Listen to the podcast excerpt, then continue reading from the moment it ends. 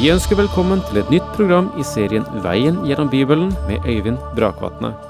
Denne studieserien er produsert av P7 Kristen Riksradio og bygger på serien Through the Bible av Vernon McGee. I dag fortsetter vi med gjennomgangen av Tredje Mosebok,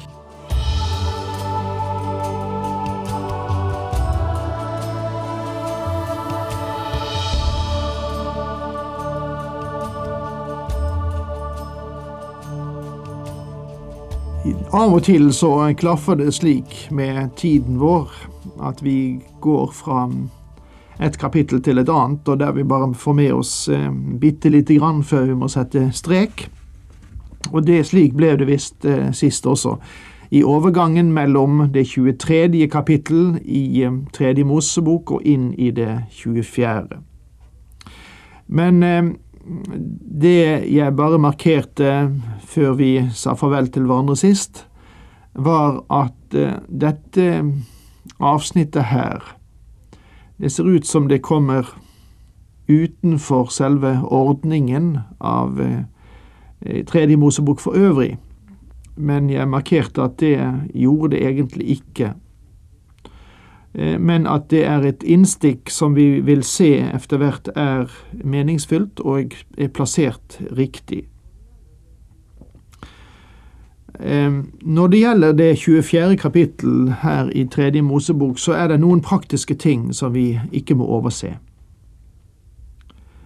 Noe av det nevnte jeg sist, nemlig at feiringen av festene og overholdelse av sabbatsår og jubelåret må skje i lys av Den hellige ånd og i Kristi kraft. Og det er viktig. Men for den praktiske siden så heter det også at folket skulle skaffe frem olje til lampene og det fine melet til brødet på skuebrødsbordet. Altså, Gud gjorde dem delaktige i å sørge for en del av utrustningen for tilbedelsen i tabernaklet.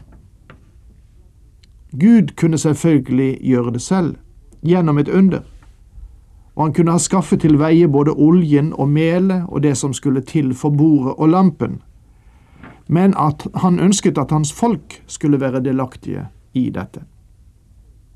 Det er slik jeg føler det også å spre Guds ord. I hver eneste lokal menighet og kristenflokk er det et eller annet som vi alle kan engasjere oss i, når det gjelder Herrens gjerning. Du må bare holde øynene åpne, og så vil du snart legge merke til noe du kan gjøre. Og jeg tror også faktisk at hvis kristenfolket mer hadde lyttet til hva Guds ånd ville ha dem til å gjøre, så ville vi ikke manglet arbeidere i Guds rikes arbeid i Norge. Alle dem som elsker Guds ord, burde være engasjert i å få dette ut til mennesker. Gud sier, du må bringe oljen, og du må bringe melet.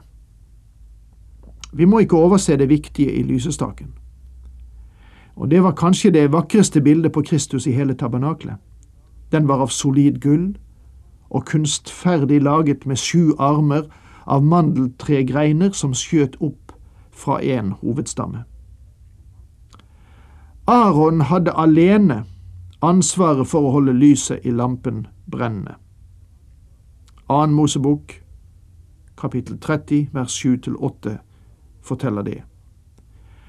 Det er viktig å være klar over at i dag er lampen i hendene på den store ypperste prest.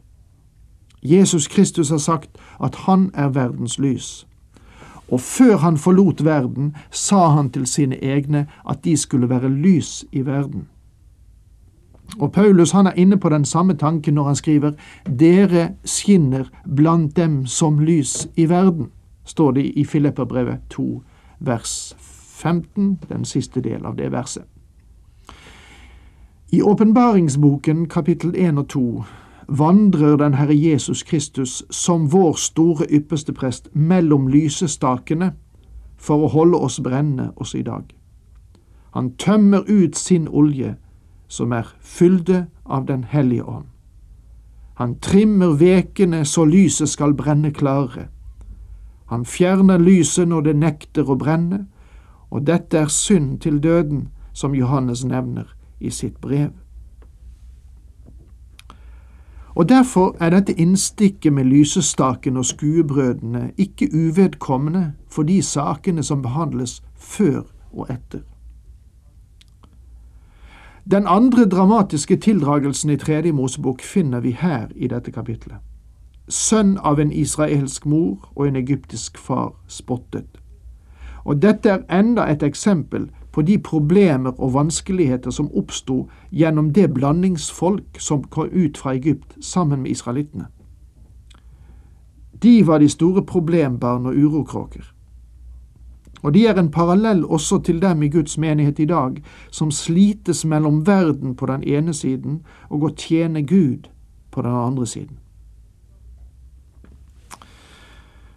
Eh, skal vi forsøke å gi bare en kort oversikt over dette 24. kapittel i tredje Mosebok. Det faller i tre deler.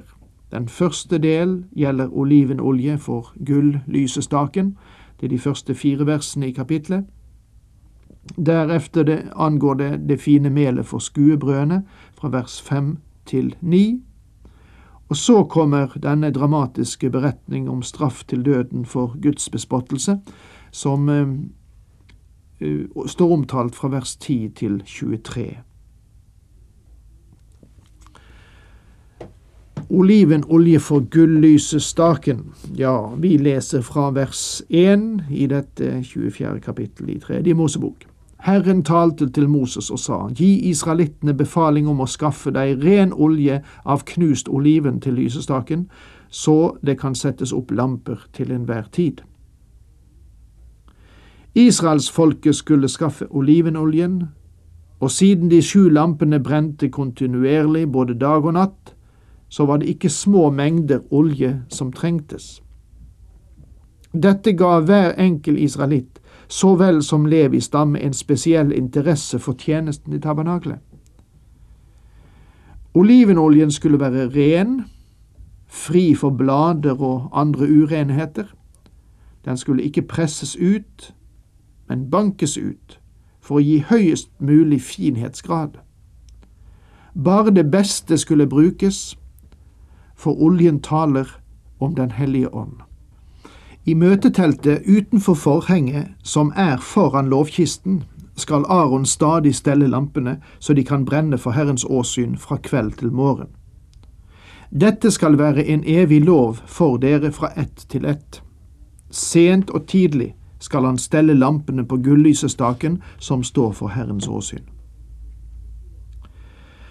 Lampene skulle holdes ved like vedvarende mens tabernaklet var reist, og naturlig nok så holdt man ikke lampene brennende under marsjen. Og vi legger merke til at Aron alene skulle kontrollere og ta vare på tjenesten med lampene. Aron skal brenne velluktende røkelse på den. Hver morgen når han steller lampene, skal han brenne den. Det samme skal han gjøre om kvelden, når han setter opp lampene. Det skal være et daglig røkelsesoffer for Herrens åsyn hos dere og deres etterkommere. Og Det finner vi i annen Mosebok, kapittel 30, vers 7–8. Den Herre Jesus Kristus vandrer blant lysestakene i dag også. Han er den store ypperste prest og når han vinner innpass i den troendes liv, så trimmer han våre hjerter og vår ånd. Han slukker ikke en rykende veke, men han klipper og trimmer så den skal brenne klart og rent. Så skal du ta hvetemel og bake tolv kaker. I hver kake skal det være to tiendedels efa, og du skal legge dem i to rader, seks i hver rad, på gullbordet for Herrens åsyn. På hver rad skal du legge ren røkelse. Den skal være et påminningsoffer for brødene, et ildoffer for Herren. Det fine melet skulle skaffes til veie av folket, på samme måte som med olivenoljen. Like som oljen taler om Den hellige ånd, så taler brød om Kristus.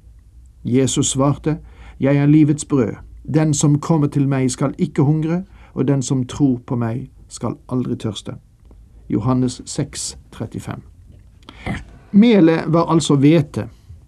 Røkelsen var naturgummi fra forskjellige planter, og det skulle være en gave fra folket. Brødet taler om Kristus, og røkelsen taler om den gode duft fra hans menneskelige fremferd. Hver sabbatsdag skal brødene legges fram for Herrens åsyn som en gave fra israelittene. Det er en evig pakt. Brødene tilhører Aron og hans sønner, som skal spise dem på et hellig sted. De er høyhellige og er hans del av Herrens ildoffer. De er en evig rettighet. Brødet ble liggende på bordet en uke. Det skulle byttes hver sabbat, og det gamle brødet skulle spises av Aron og hans sønner, og alltid i det hellige. Da David og hans menn var i en svær nød, så ga Akimelek ham lov til å spise skuebrødene, og det leser du i 1. Samuel 21, versene 4-6. Herren peker på det da de kritiserte hans disipler for å spise korn på sabbaten. Les Matteus 12, vers 3-4. Brødet og lyset taler om Kristus. Jeg er det levende brød som er kommet ned fra himmelen. Den som spiser av dette brød skal leve til evig tid, og det brød jeg vil gi, er det legeme som jeg gir til liv for verden. Johannes 6, vers 51. Igjen talte Jesus til folket og sa, Jeg er verdens lys. Den som følger meg, skal ikke vandre i mørket, men ha livets lys. Og det sier han i Johannes 8, vers 12. Vi må livnære oss av ham om vi skal kunne tjene ham. Og alt vi gjør for ham, må vi gjøre i hans lys ved Den hellige ånd. Det er bare to historiske skildringer gjengitt i Tredje Mosebok. Den første er hendelsen om Nadab og Abihu i Tredje Mosebok 10. Og nå kommer vi til den andre episoden. Den synes å være fjernt fra de forordninger som gis her, men vi må legge merke til det faktum at Gud gir oss her en lekse angående gudsbespottelse. En mann som hadde en israelittisk kvinne til mor og en egypter til far, gikk en gang ut blant israelittene. I leiren kom han i trette med en israelitt, og sønnen til den israelittiske kvinnen spottet Herrens navn og forbannet det. Da førte de ham til Moses.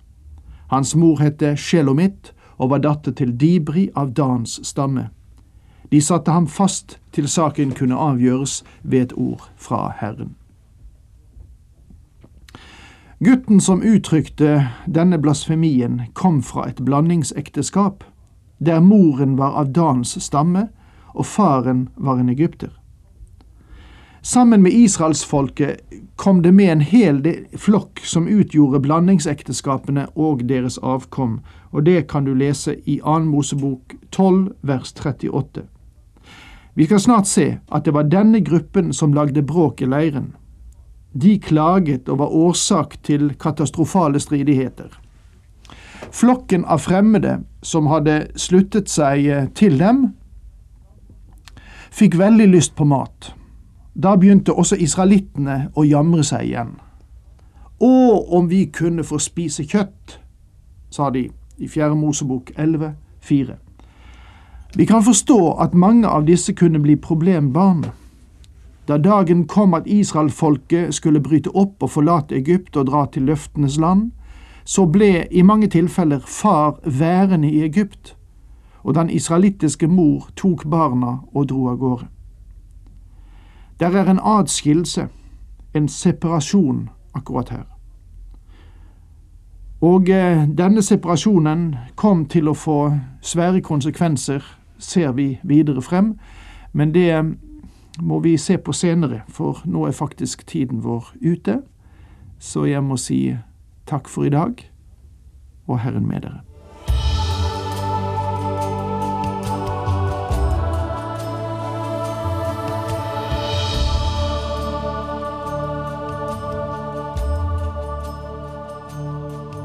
Du hørte Øyvind Brakvatne i studieserien Veien gjennom Bibelen. Serien bygger på et manus av Vern McGee. Har du spørsmål eller kommentarer til programmet, kan du sende en e-post til vgb krøllalfa p7.no. Takk for i dag, og på gjenhør.